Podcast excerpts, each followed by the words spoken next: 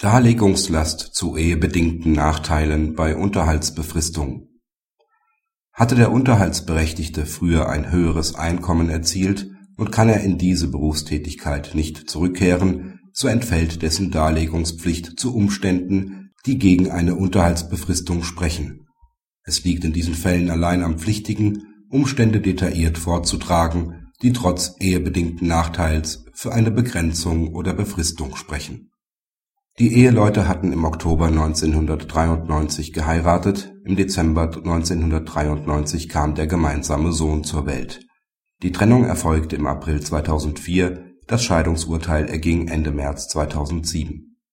Die Ehefrau ist Gymnasiallehrerin, während der Ehe hat sie als Texterin, zuletzt als Cheftexterin gearbeitet und ein Nettoeinkommen von rund 2550 Euro erzielt im Jahre 2000 verzog die Familie wegen einer Anstellung des Ehemanns nach Brüssel. Dort kam es zur Trennung. Der Ehemann ist seit September 2007 in einer leitenden Position beim Europäischen Patentamt tätig. Die Ehefrau hat nach der Trennung ihre Lehrertätigkeit wieder aufgenommen, wobei sie Teilzeit 73 Prozent arbeitet und ein Nettoeinkommen von rund 1590 Euro erzielt.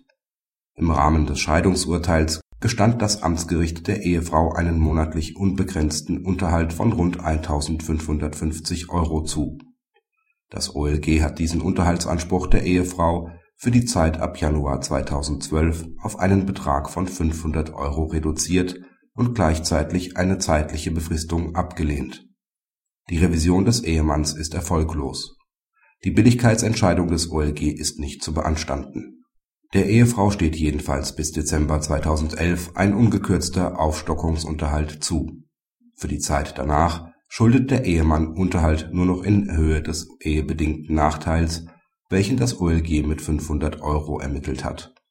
Dieser basiert auf den Einkommenseinbußen, welche die Ehefrau dadurch erlitten hat, dass sie als Texterin nicht mehr arbeiten kann bzw. ihre Karriere als Cheftexterin nicht fortsetzen konnte bei der Ermittlung des Nachteils hat das OLG das frühere Vollzeiteinkommen mit einem fiktiven Vollzeiteinkommen als Lehrerin verglichen.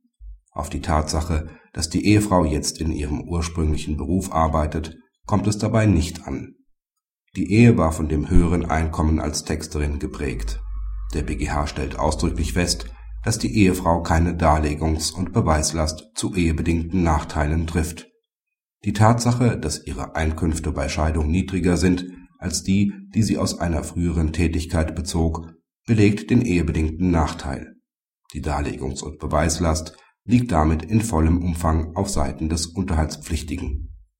Praxishinweis Grundsätzlich ist im Rahmen des § 1578b BGB der Pflichtige hinsichtlich der Tatsachen darlegungs und beweisbelastet die eine Begrenzung oder Befristung rechtfertigen, denn diese sind für ihn günstig. Hat dagegen der Berechtigte für einen ehebedingten Nachteil keinen Nachweis erbracht, ist der Unterhalt in jedem Fall zu befristen